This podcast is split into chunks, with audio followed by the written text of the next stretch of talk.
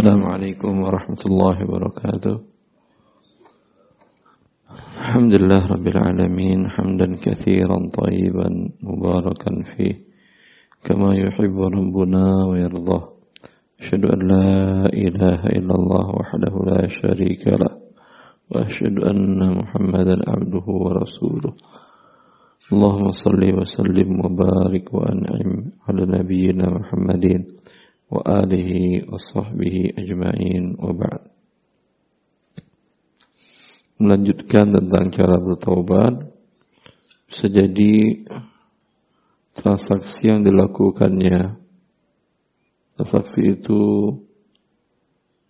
tidak diridai Allah, tapi dua orang yang bertransaksi saling redho melakukannya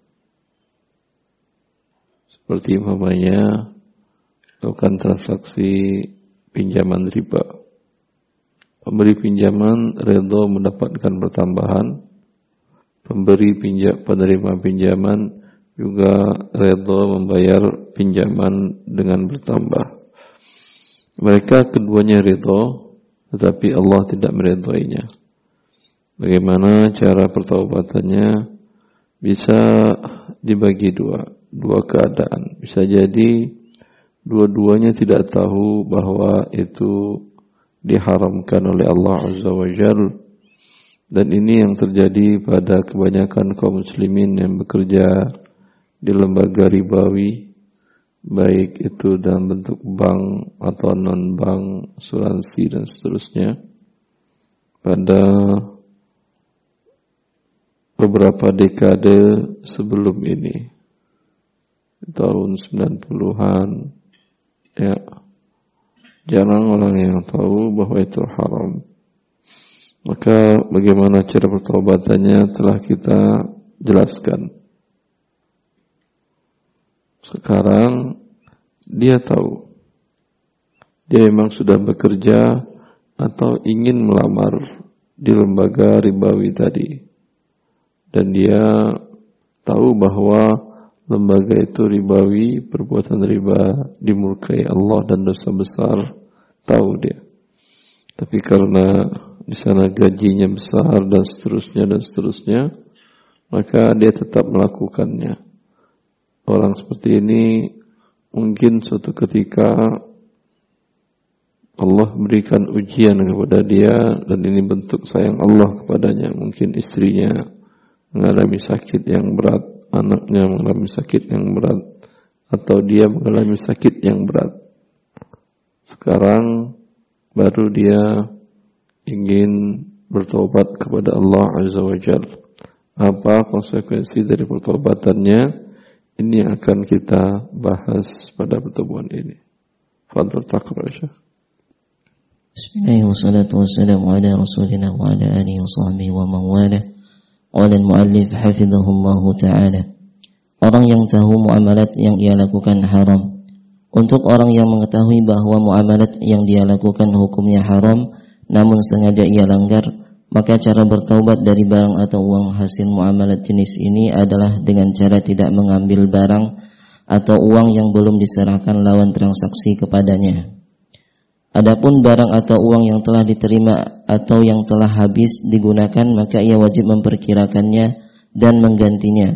Lalu disedekahkan untuk fakir miskin atau kepentingan fasilitas umum. Atau untuk baitul mal kas negara dalam rangka membebaskan dirinya dari dosa harta haram dan bukan disedekahkan atas nama orang yang memberikannya. Karena harta tersebut telah keluar dari kepemilikan pembelinya saat ia memberikannya dengan sukarela atas imbalan yang dia dapatkan. Sekalipun imbalan tersebut hukumnya haram. Hal ini didasarkan dalil-dalil berikut. Pertama suatu saat Nabi Shallallahu alaihi wasallam mengangkat Ibnu Rutbiyah untuk menarik zakat Bani Sulaim. Kemudian dia datang menghadap Nabi Shallallahu alaihi wasallam. Seraya ia berkata ini adalah zakat Aku serahkan kepadamu dan ini adalah hadiah dari Bani Sulaim untukku. Seketika itu juga Rasulullah sallallahu alaihi wasallam menaiki mimbar lalu bersabda, "Ma balu 'amilin ab'athuhu fayaqulu hadza lakum." وهذا أهدي لي أفلا قعد في بيت أبيه أو في بيت أمه حتى ينظر أيهدى إليه أم لا والذي نفس محمد بيده لا ينال أحد منكم منها شيئا إلا جاء به يوم القيامة يحمله على عنقه بعير له رغاء أو بقرة لها خوار أو شاة تيعير Apa gerangan seorang pekerja yang kami amanahkan Lalu dia datang seraya berkata Ini untukmu dan ini hadiah dari masyarakat untukku Andaikan dia duduk saja di rumah bapaknya atau di rumah ibunya Apakah ada orang yang mengantarkan hadiah kepadanya? Demi jiwa Muhammad di tangannya Tidak seorang pekerja pun yang menerima hadiah apa pun Melainkan hadiah tersebut akan dibawanya di atas pundaknya. Mungkin seekor unta yang mengeluarkan suara keras Mungkin juga seekor sapi yang menguak Atau seekor kambing yang mengembek Lalu Nabi Shallallahu Alaihi Wasallam mengangkat tinggi kedua tangannya sehingga lengan jubahnya turun dan kelihatan kilauan pangkal lengannya. Kemudian Nabi Shallallahu Alaihi Wasallam bersabda, Allahumma hal ballagtu. Ya Allah, bukankah aku telah menyampaikannya? Hadis riwayat Bukhari dan Muslim. Dalam hadis di atas, Nabi Shallallahu Alaihi Wasallam tidak memerintahkan Ibnu Lutbiyah untuk mengembalikan harta yang didapatkannya melalui hadiah sogok kepada para pemberi hadiah, akan tetapi hanya menghardiknya. Jika harta haram yang diberi yang diberikan pemiliknya dengan penuh keridhaan tidak menjadi milik penerima karena Nabi Shallallahu Alaihi Wasallam menghardiknya. Juga harta haram tersebut tidak diperintahkan Nabi Shallallahu Alaihi Wasallam untuk dikembalikan kepada pembelinya, pemberinya. Maka tentulah harta tersebut menjadi milik Baitul Mal kas negara. Dan pada saat Baitul Mal tidak ada maka harta harta haram tersebut disedekahkan untuk fakir miskin dan untuk kepentingan umum. Ya, jelas. Hadis ini hadis yang mulia di mana ini menjadi kaidah dasar landasan dasar para ulama dalam menjelaskan tentang harta haram yang didapatkan dengan saling ridho. Bani Sulaim senang karena yang datang adalah sahabat Nabi Sallallahu Alaihi Wasallam. Akan tetapi sekarang sahabat Nabi ini Ibnu Lutbiyah ini datang bukan hanya sekedar datang, tetapi dia membawa amanah. Dia diangkat sebagai pegawai oleh Nabi dan diberikan gaji dengan gaji dari zakat dari Baitul Mal Lalu untuk menarik zakat, orang-orang Bani Sulaim tadi tidak ada niatnya untuk menggelapkan zakat, mengurangi zakat dengan memberikan sogok tadi, memberikan maaf, memberikan hadiah tadi. Dan pun mereka tidak merasa bahwa itu haram. Kalau Nabi Nabi kan boleh terima hadiah, apalagi sahabatnya. Ya. Mereka memberikannya dengan sukarela dan senang hati memberikan hadiah kepada sahabat Nabi sallallahu alaihi wasallam. Dan Ibnu Lutbiyah tidak minta dan tidak menawarkan juga siapa yang ngasih hadiah ke saya, saya kurangin tarikan zakat dari dia juga tidak. Ya. Dan pun Ibnu Lutbiyah membawa hadiah ini terus terang kepada Nabi sallallahu alaihi wasallam. Tidak ada yang disembunyikannya. Ketika datang kepada Rasulullah, dia mengatakan, ini zakat yang aku ditugaskan untuk menariknya. Yang ini ya Rasulullah, ini hadiah Banu Sulaim untukku. Maka Rasulullah Sallallahu Alaihi Wasallam menjelaskan kaedahnya bahwa hadiah yang diterima oleh seorang pegawai yang sudah dibayar gajinya dalam hal ini dari Baitul Mal, maka hadiah bukan milik dia lagi. Bila dia terima, maka itu namanya riswah. Kan hadiah kok riswah Ustaz? Di sini Rasulullah menjelaskan Kenapa dia tidak duduk di rumah bapaknya saja, di rumah ibunya saja? Kalau dia duduk di bawah di rumah bapak dan ibunya, kira-kira ada yang ngantar hadiah? Tidak ada. Berarti hadiah ini imbalan apa? Imbalan statusnya dia. Ya, status sebagai utusan Nabi untuk menarik zakat. Kalau murni hadiah, mungkin karena bertetangga datang atau Banu Sulaim datang ke Madinah dan mencari sahabat-sahabat Nabi dan bertemu di antaranya menurut biah dikasih menurut biah hadiah boleh apa tidak? Tidak ada masalah ya ini cara membedakan mana hadiah dengan riswah Apakah diperkirakan orang itu memberikan kepada Anda kalau Anda tidak sebagai pejabat lagi? Kalau iya, silahkan. Ya. Ada salah seorang jamaah beliau di angkatan darat sekarang sudah berjalan. Dulu waktu masih kolonel pernah bertanya ke saya, Ustaz, Eh, dan masih aktif beliau.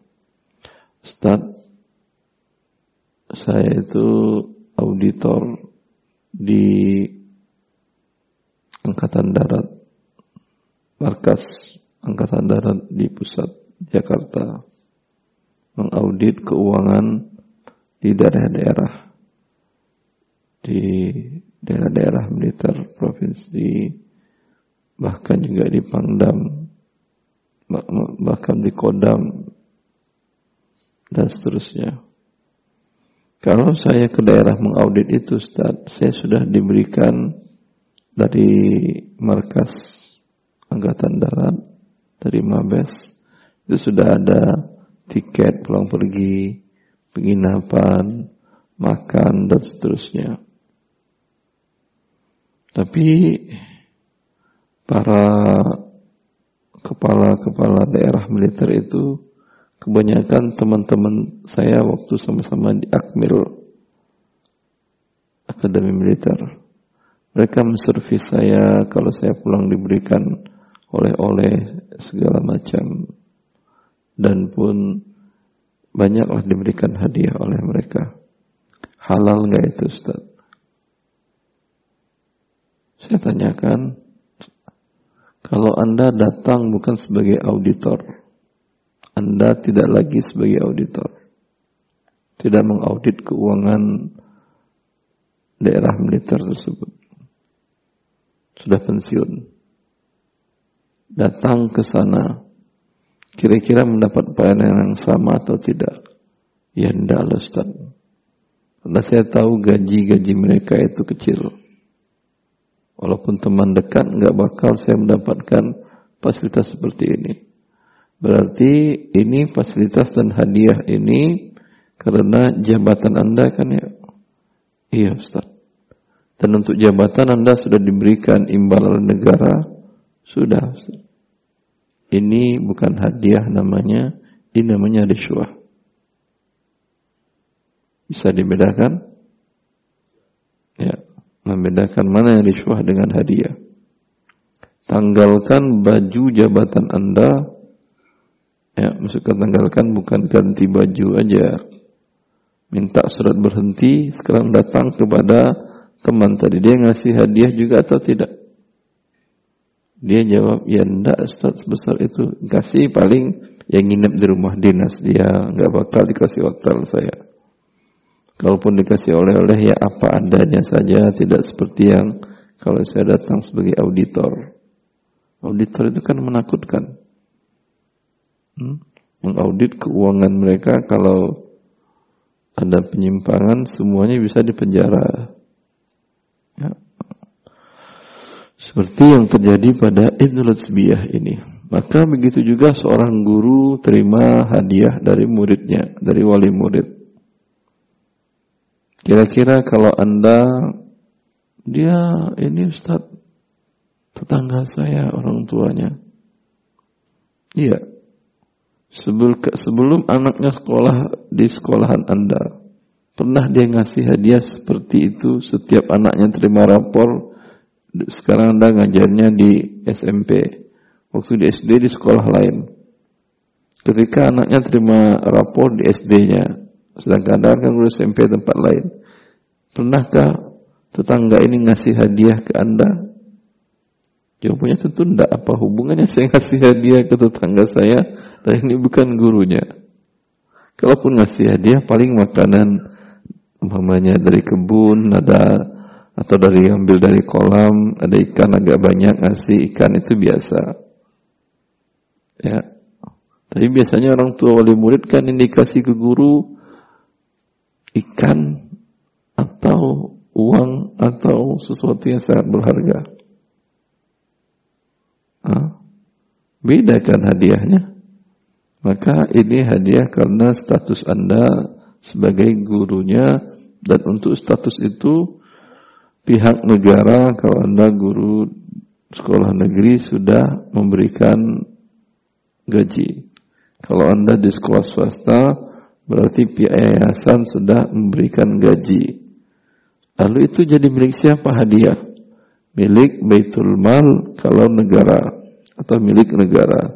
Kalau itu yayasan, milik yayasan. Kalau itu adalah perusahaan, milik perusahaan. Jelas.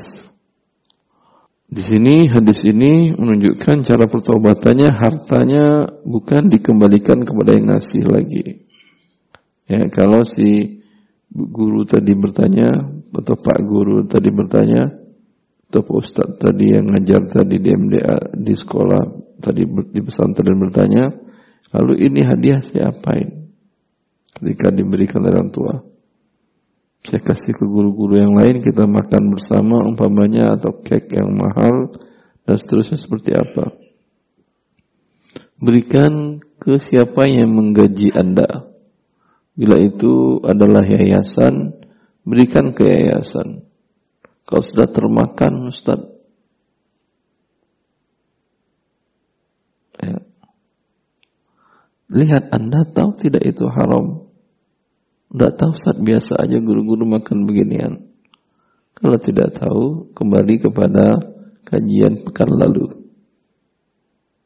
Perlu diganti berarti atau tidak? Udah lupa tuh Lihat rekaman, ada rekamannya ya atau lihat bukunya lagi. Ya yang sudah habis namanya cake yang cepat rusak sudah habis. Ya. Itu untuk kalian kata Allah. Bila masih ada sisanya tentu bukan untuk kalian. Kalau belum habis umpamanya barangnya barang yang tahan diberikan umpamanya jet-jet smartphone diberikan untuk gurunya tadi. Ini berikan ke yayasan. Ya. Atau dinilai dengan uang uangnya diberikan ke yayasan kalau dia bekerja dengan perusahaan diberikan uangnya ke perusahaan kalau dia bekerja di pemerintahan diberikan kepada negara uangnya tapi bisa diberikan ke negara Hah? Bisa? Alhamdulillah kalau bisa gimana caranya? Wallahu alam. Setahu saya tidak ada rekening di Kementerian Keuangan yang menerima uang uang pertobatan seperti ini. Berarti kan tidak bisa kan? Kalau anda terus terang membelikan, mungkin anda dimasukin penjara, diseret KPK, karena smartphone harganya puluhan juta kan ya. Berapa yang termurah? 5 jutaan kan ya? Hah? 5 jutaan kan tidak boleh. Yang dibolehkan oleh KPK itu di bawah 500 ribu. Dan itu pun harus dilaporkan. Kalau ini di atas 5 jutaan. Ya. Kalau seperti itu, khawatir Anda di penjara gara-gara 5 juta tadi dan terima hadiah tadi, ya jual atau beri nilai berapa uangnya, 5 juta umpamanya, keluarkan uang juta 5 juta untuk fakir miskin. Saya fakir miskin juga Ustaz. ya udah ambil itu Anda aja lah uangnya fakir miskin. Fadl akhi Masud. Kedua, Umar bin Khattab radhiyallahu anhu juga pernah menyita harta para gubernurnya yang dianggap haram lalu ia masukkan ke Baitul Mal. Jika kondisi penerima harta haram yang didapat dari transaksi haram yang ini kapan kisahnya ini? Bin Khattab radhiyallahu anhu juga pernah menyita harta para gubernurnya. Siapa gubernur yang disita hartanya oleh Umar? Amr bin As. Masih ingat dulu dalam pembahasan awal tentang korupsi. Udah lupa. Abu Hurairah. Dia gubernur ditunjuk oleh Umar menjadi gubernur Bahrain. Ketika datang ke Madinah, dia membawa harta ya sahabat Nabi apalagi Ibu Hurairah. Kira-kira mungkin ngambil uang korupsi. Ya. Tetapi Umar melihat pertambahan hartanya terlalu cepat. Ya. Maka kemudian Umar mengatakan, Ya adu Allah wa ya adu wa rasulihi wa kitabih engkau sudah wahai musuh Allah, musuh Rasul dan kitabnya. Engkau telah mencuri harta kaum muslimin. Itu disita semua hartanya, ya. Kemudian setelah itu baru diperiksa. Sita dulu yang pertama. Setelah disita semuanya diperiksa satu persatu. Abu Hurairah bisa mempertanggungjawabkan atau tidak. Ternyata Abu Hurairah bisa mempertanggungjawabkan dari mana satu persatu dapatnya. Dia mengatakan, saya dapat dari rampasan perang. Karena dia ikut juga berperang. Sebagai gubernur, dia ikut berperang juga. Dapat bagian rampasan perang. Kemudian hewan ternakku bertambah. Artinya berkembang biak dan jadi banyak. Sehingga hartaku berlimpah. Setelah tahu Umar bersih semuanya, tidak ada yang bermasalah, baru dikembalikan lagi hartanya ke Abu Hurairah.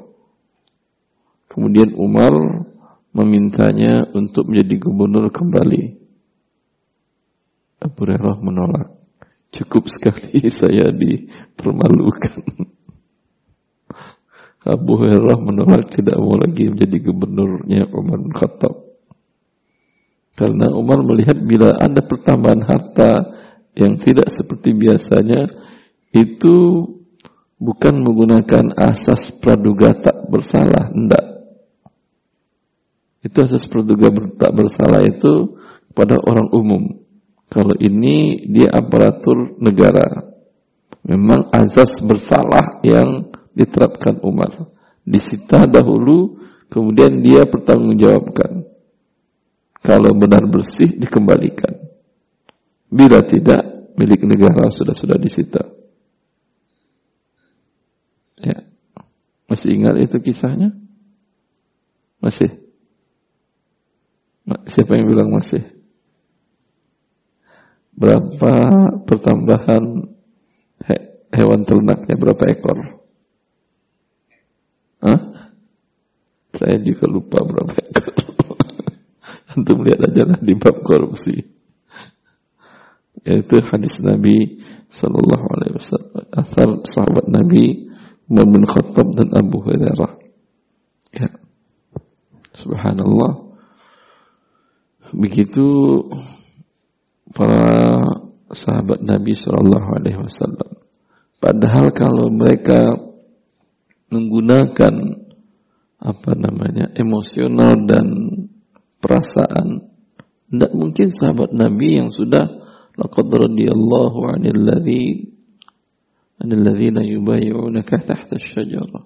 Allah telah meridhai orang-orang yang berbaiat di bawah pohon Ridwan. Di antaranya sahabat Nabi Abu Hurairah. Sahabat Nabi Abu Hurairah didoakan oleh Nabi SAW. Allahumma faqihu fid din wa alimhu ta'wil. Dan itu Ibn Abbas. Rasulullah meminta Abu Hurairah untuk mengembangkan selain gutrohnya selendangnya, taruh, kemudian didoakan oleh Nabi, kemudian dia selimutkan ke dadanya, dia mengatakan semenjak itu saya tidak pernah lupa apa yang aku dengar dan aku lihat dari Nabi Sallallahu Alaihi Wasallam. Bukan orang sembarangan Abu Hurairah. Yang paling banyak meriwayatkan hadis Nabi Sallallahu Alaihi Wasallam dari para sahabat lima ribu lebih hadis yang beliau riwayatkan dari Nabi. Ya. Kalau dia seorang koruptor, tentu hadisnya akan bermasalah seluruhnya. Jelas. Tapi Umar melihat bukan dari sisi itunya. Ya, bagaimana mengajarkan para pemimpin setelah generasi ini. Umar tidak pernah mengangkat pemimpin kecuali para sahabat Nabi Sallallahu Alaihi Wasallam yang paling mulia. Bukan sembarangan orang. Tapi tetap Umar anggap dia itu lihat perkataan Umar pertama apa?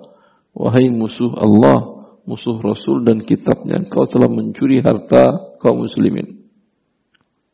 Kira-kira anda ke teman, teman biasa berani ngomong gak seperti itu? Nah, ini kepada sahabat Nabi ya, Abu Hurairah dia ngomong seperti itu. Subhanallah. Begini seorang yang menerima amanat dari kaum muslimin untuk menunaikan amanahnya.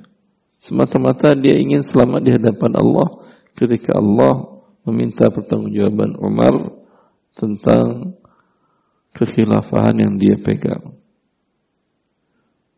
lanjut akhir.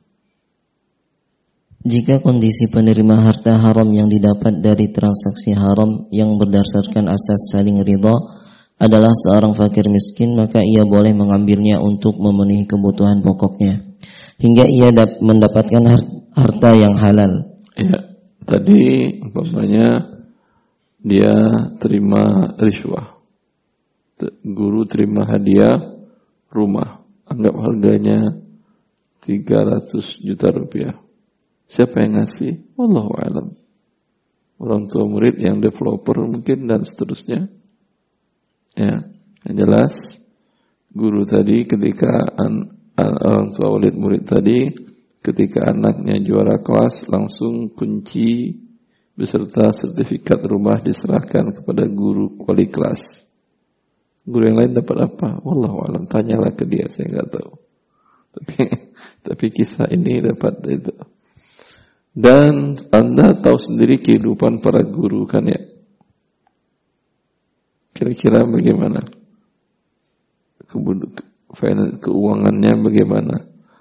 Atas, menengah, bawah atau bawah sekali? Dari biaya hidup dari gaji guru ya, bukan dari, dia guru tapi punya bisnis lain itu lain. Dia guru saja tidak punya usaha bisnis yang lain. Kira-kira keuangannya dia atas, menengah, bawah atau bawah sekali? Bawah sekali. Berarti umumnya fakir miskin kan ya? Umumnya. Masalah dia punya warisan orang tuanya segala macam itu lain hal. Umumnya orang yang susah fakir miskin. Apalagi guru agama di Indonesia ya, apalagi guru yayasan-yayasan Islam itu sangat bawah bawah bawah sekali banget. Itu posisi keuangannya. Maka dilihat kebutuhannya dia 300 juta ini terlalu besar. Biaya hidupnya setahun kalau ngontrak berapa umpamanya? Cukup 30 juta. Sudah mewah itu rumah. Mewah, mewah. Tidak pantas dia dari bawah-bawah sekali langsung mewah. Ya. 20 juta pantas lah ya. Atau sudah lumayan mewah. Setahun setahun. Hah? Lumayan pas lah ya. 20 juta.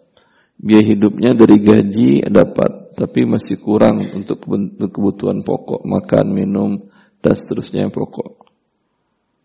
Dikalikan sebulan dikalikan 12 bulan kebutuhan setahunnya keluar angka 5, 10 juta. Berarti 30 juta. Berarti yang halal bagi guru ini dari 300 rumah harga 300 juta tadi 30 juta.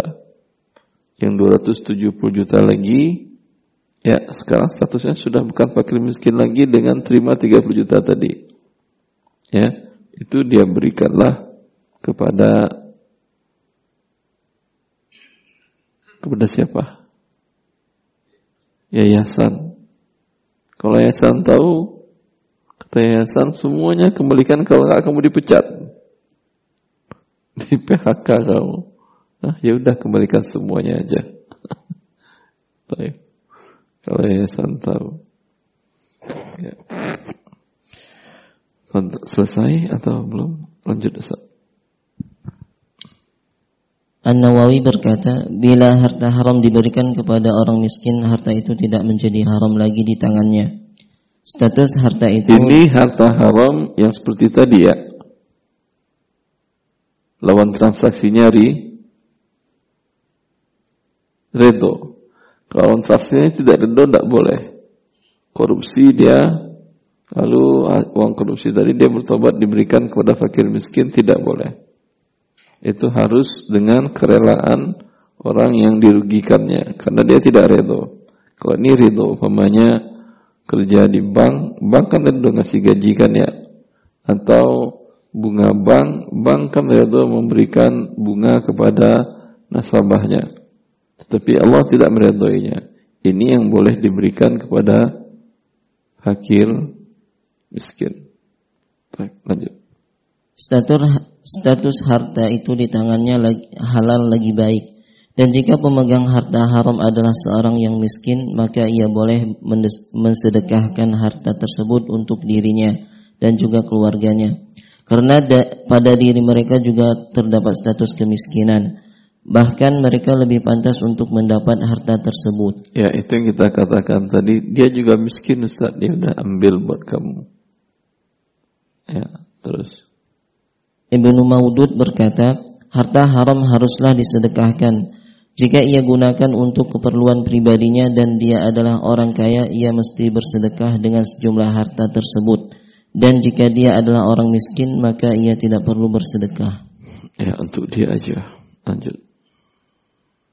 Ibnu Taimiyah juga berkata, siapa yang mendapatkan harta melalui usaha yang haram dan diberikan dengan kerelaan orang orang yang memberinya seperti uang hasil menjual arak, uang hasil perzinahan atau upah meramal nasib, maka pendapat Ibnu Taimiyah adalah jika dia tidak mengetahui hukum transaksi tersebut haram saat melakukannya, kemudian ia tahu hukumnya haram dan bertaubat maka harta itu halal dimakannya. Tetapi jika ia tahu bahwa hukumnya adalah haram sejak mula-mula membuat transaksi kemudian dia bertaubat maka hendaklah dia mensedekahkan harta tersebut. Dan harta itu halal bagi orang miskin yang menerima sedekahnya. Dan jika dia sendiri berstatus fakir miskin, maka ia boleh mengambil sekedar menutupi kebutuhan pokoknya. Ibnu Rajab berkata, harta yang harus disedekahkan karena pemiliknya tidak diketahui seperti harta perampokan dan titipan. Menurut Khadi Abu Ya'la boleh dimakan jika pemegang harta tersebut adalah seorang fakir miskin. Ya, alhamdulillah selesai. Pertanyaan kasus. Dia bertanya, Ustaz, dulu saya kerja di lembaga ribawi pada tahun 95 mulai bekerja. Di waktu itu tidak ada orang ngomong haram bekerja di bank ribawi. Dari hasil itu saya sudah bikin rumah, sudah punya rumah, punya usaha juga. Kemudian ada beberapa harta, ada uang tunai juga. di tahun itu 9 berapa tadi? 95. Di tahun 2000 dan kapan mulai tak ada bilang haram 2005 anggap 2005 2005 baru saya baca fatwa DSN bekerja di bank konvensional haram. Atau fatwa DSN haram kerja bank konvensional. Bank itu riba iya tapi bekerjanya tidak dijelaskan. Saya kalau saya tidak salah fatwanya tidak ada penjelasannya. Atau dia baca fatwa ulama besar Saudi Arabia dan ulama-ulama dunia lainnya ya bekerja di bank itu haram ya itu 2005 Ustaz tapi di waktu itu itu masa pensiun saya tinggal sekitar lima tahun lagi. Sehingga saya pikir dah ini dah mau pensiun, lanjutkan sajalah. Di 2010 saya pensiun dan sekarang masih terima uang pensiun. Saya mau bertobat bagaimana caranya? Silahkan yang bisa jawab. Ada mic di situ? Sekarang mic dikasih untuk yang jawab bukan yang bertanya dulu. Ada hadiah Pak Budi? Ada hadiahnya yang bisa dapat. Udah kalau enggak ini saya hadiahkan buku Harta Haram ini ambil. Ah, silahkan jawab di situ. Enggak ada yang mau buku? Sudah punya kita semua Ustaz. Ya bisa antum hadiahkan ke orang lain atau dijual juga bisa. Masya Allah. Antum orangnya tawaduk semua ya. Tidak ingin ria. Ntar dibilang orang sok-sok Ustaz dia. Oh, Masya Allah. Fadal.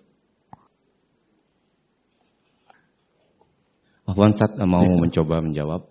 Ya. Ya. Uh, kalau kasus yang seperti tadi berarti harta yang dia dapatkan sejak awal bekerja tahun 95 sampai tahun 2005 itu menjadi milik dia karena saat itu dia belum mengetahui bahwa satu hartanya haram. Lalu semua harta yang uh, dia dapat setelah 2005 itu termasuk kategori yang haram yang harus dia uh, keluarkan ya, sedekahkan. Lalu tergantung kondisi dia, jika saat itu sedekahkan jelas salah. Um, um, di Tadi kan ada beliau baca oleh Ustaz tadi bukan untuk disedekahkan begitu kan? Oh ya maksudnya bukan disedekahkan. Ah berarti kita kurangi sedikit bukunya. ya, ya, maksudnya nah, harus uh, dikeluarkan gitu ya ke ke fakir miskin uh, atau baitul mal kalau ada. Lalu dilihat juga kondisi yang bersangkutan. Jika kondisinya saat itu uh, ya sudah pensiun sekarang. Iya sudah pensiun. Ada pensiunannya. Sudah, ada pensiunannya berarti uh. pensiunannya kan juga dari hasil yang haram. Berarti sebisa mungkin itu di diputus Seandainya seperti itu. Tidak dapat pensiun lagi. Ah, nggak dapat pensiun lagi. Dengan bisa. Itu. Kalau pensiun bilang ke lembaga pensiun saya nggak mau saya, terima lagi bisa. Hah? Kurang tahu Ustaz saya. Tidak bisa kan dia langsung automatically masuk kan ya? Ya, kalau kasusnya seperti itu tidak bisa berarti dia masih ada pemasukan. Ya dia uh, bisa harta yang dari 2005 sampai 2010 itu yang tadi dikeluarkan uh, untuk pemasukannya dia kan masih ada yang dari pensiun karena tidak bisa diberhentikan gitu saat. Itu tidak apa-apa, yang pensiunan tidak apa-apa. Selama dia tidak ada tidak ada penghasilan lain karena kalau tidak ada penghasilan kan dia jadi jatuhnya jadi fakir miskin. Betul. Sehingga nah itu bisa diambil sesuai apa? Tadi kan dia, dia punya rumah, punya kendaraan, punya usaha tadi kan kita katakan. Oh, kalau ada usaha ya berarti tidak tidak tidak dia terima itu juga harus dikeluarkan gitu hasil pensiunnya. Intinya jika kehidupan, semua pensiunannya uang pensiunannya. Semuanya. Iya, kalau dia punya uh, usaha lain yang untuk menghidupi kehidupan dia. Jika uh, kehidupannya itu ini salah. Karena pensiunan apakah itu imbalan dari dari usaha dari kerja dia semenjak haram tahu atau sebelumnya juga ada? Dibagi setengah. Sebelumnya ada kan ya? Ya. Kan dari 2005 dari 2005 ke 95 sampai 2005 10 tahun itu dia nggak tahu. Kan itu sudah dipotong untuk pensiunnya kan ya? Yang itu berarti halal apa tidak? Halal. Berarti dua pertiganya diterima Sir. Dia kan waktu itu tidak tahu. Halal apa tidak? Halal. Halal Sir. Kan belum tahu Sir. Dia belum tahu bekerja di bank konvensional haram. Halal atau tidak gajinya yang dia dapat tadi? Halal. Sir. Hah? Halal gajinya haram lah, tapi buat dia halal karena dia tidak tahu. Oh iya. Ah, yang pensiunannya bagaimana? Haram bagaimana? Kan dia didapatkan dari potongan selama bekerja yang dia tidak tahu bahwa itu perbuatannya haram. Sekarang sudah tahu Seketika tahu dia kan tadi tahunya di 2005. Sedangkan itu kalau haram berarti haram seluruh sekarang sudah tahu berarti rumah, kendaraan, tabungan yang dari 1995 sampai 2005 haram juga. Ya. Hah? Capek kita belajar jawabannya haram semuanya. Ini kan dari awal ada pemisahannya. Ada yang tergantung saling redo atau tidak. Sekarang kasusnya sudah mengerucut saling redo. Saling redo ada penjelasan lagi. Dia tahu itu haram atau tidak. Ya, berbeda kan antara dia tahu atau tidak. Ya.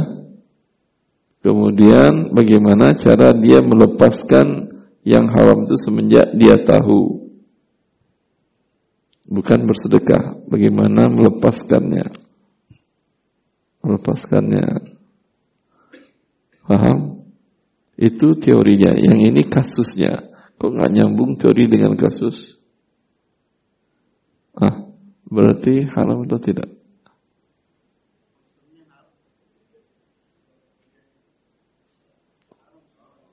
Seluruhnya haram.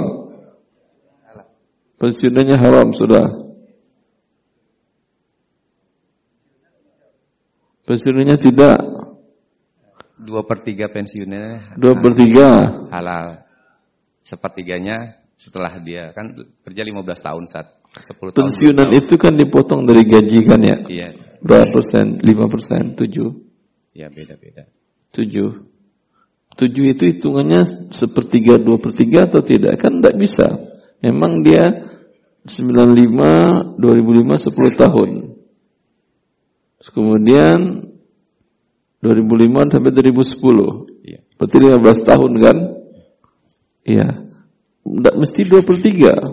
Iya. Mungkin yang 5 tahun itu gajinya sudah sangat besar sehingga mungkin satu banding satu dengan setengah daripada keseluruhan uang pensiunan terkumpul. Iya atau tidak? Iya, Sat. Eh, ya. Ternyata bertobat pun susah. Maka jangan bikin dosa dong kalau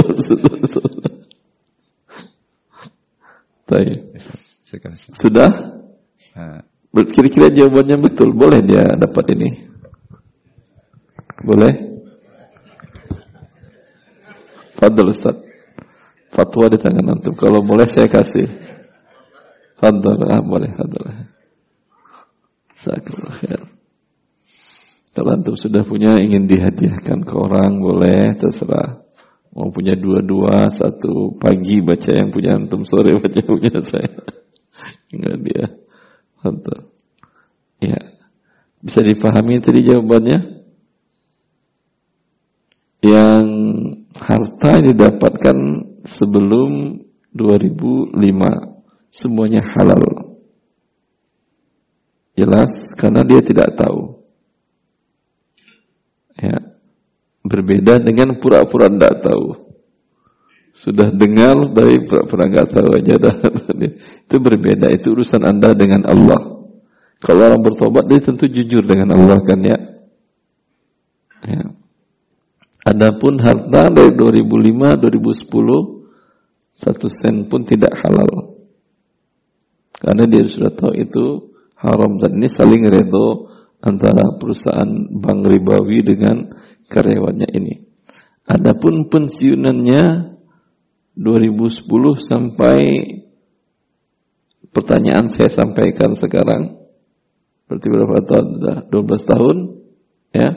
Pensiunan yang dia terima bulanan ini kalau bisa dihitung tadi kan potongan persen dari gaji. Berapa gajinya 2095 sampai 2005 berapa persen? Sebesar itu halal masih. Yang lebih dari itu tidak halal. Ditambah dengan dana pensiunan kan diputar lagi dengan cara riba juga kan ya. Ada penambahannya lagi. Yang pokoknya saja sudah bermasalah apalagi penambahannya. Paham? Yang penambahannya dimasukkan ke dalam yang halal apa yang haram. Masalahnya Anda tidak punya wewenang di situ. Bisa Anda katakan ketika dana pensiunan Anda mengatakan jangan diputar untuk yang halal, yang haram ya, jangan didepositokan ya. Tidak bisa kan? Ya. Yang pokoknya halal, yang sisanya adalah haram semenjak dia tahu itu adalah riba. Cukup? Jelas? Allah a'lam. Semoga bermanfaat. Wallahu a'lam taufiq. Wa sallallahu nabiyina Muhammad wa alihi wa sahbihi wa sallam. Assalamualaikum warahmatullahi wabarakatuh.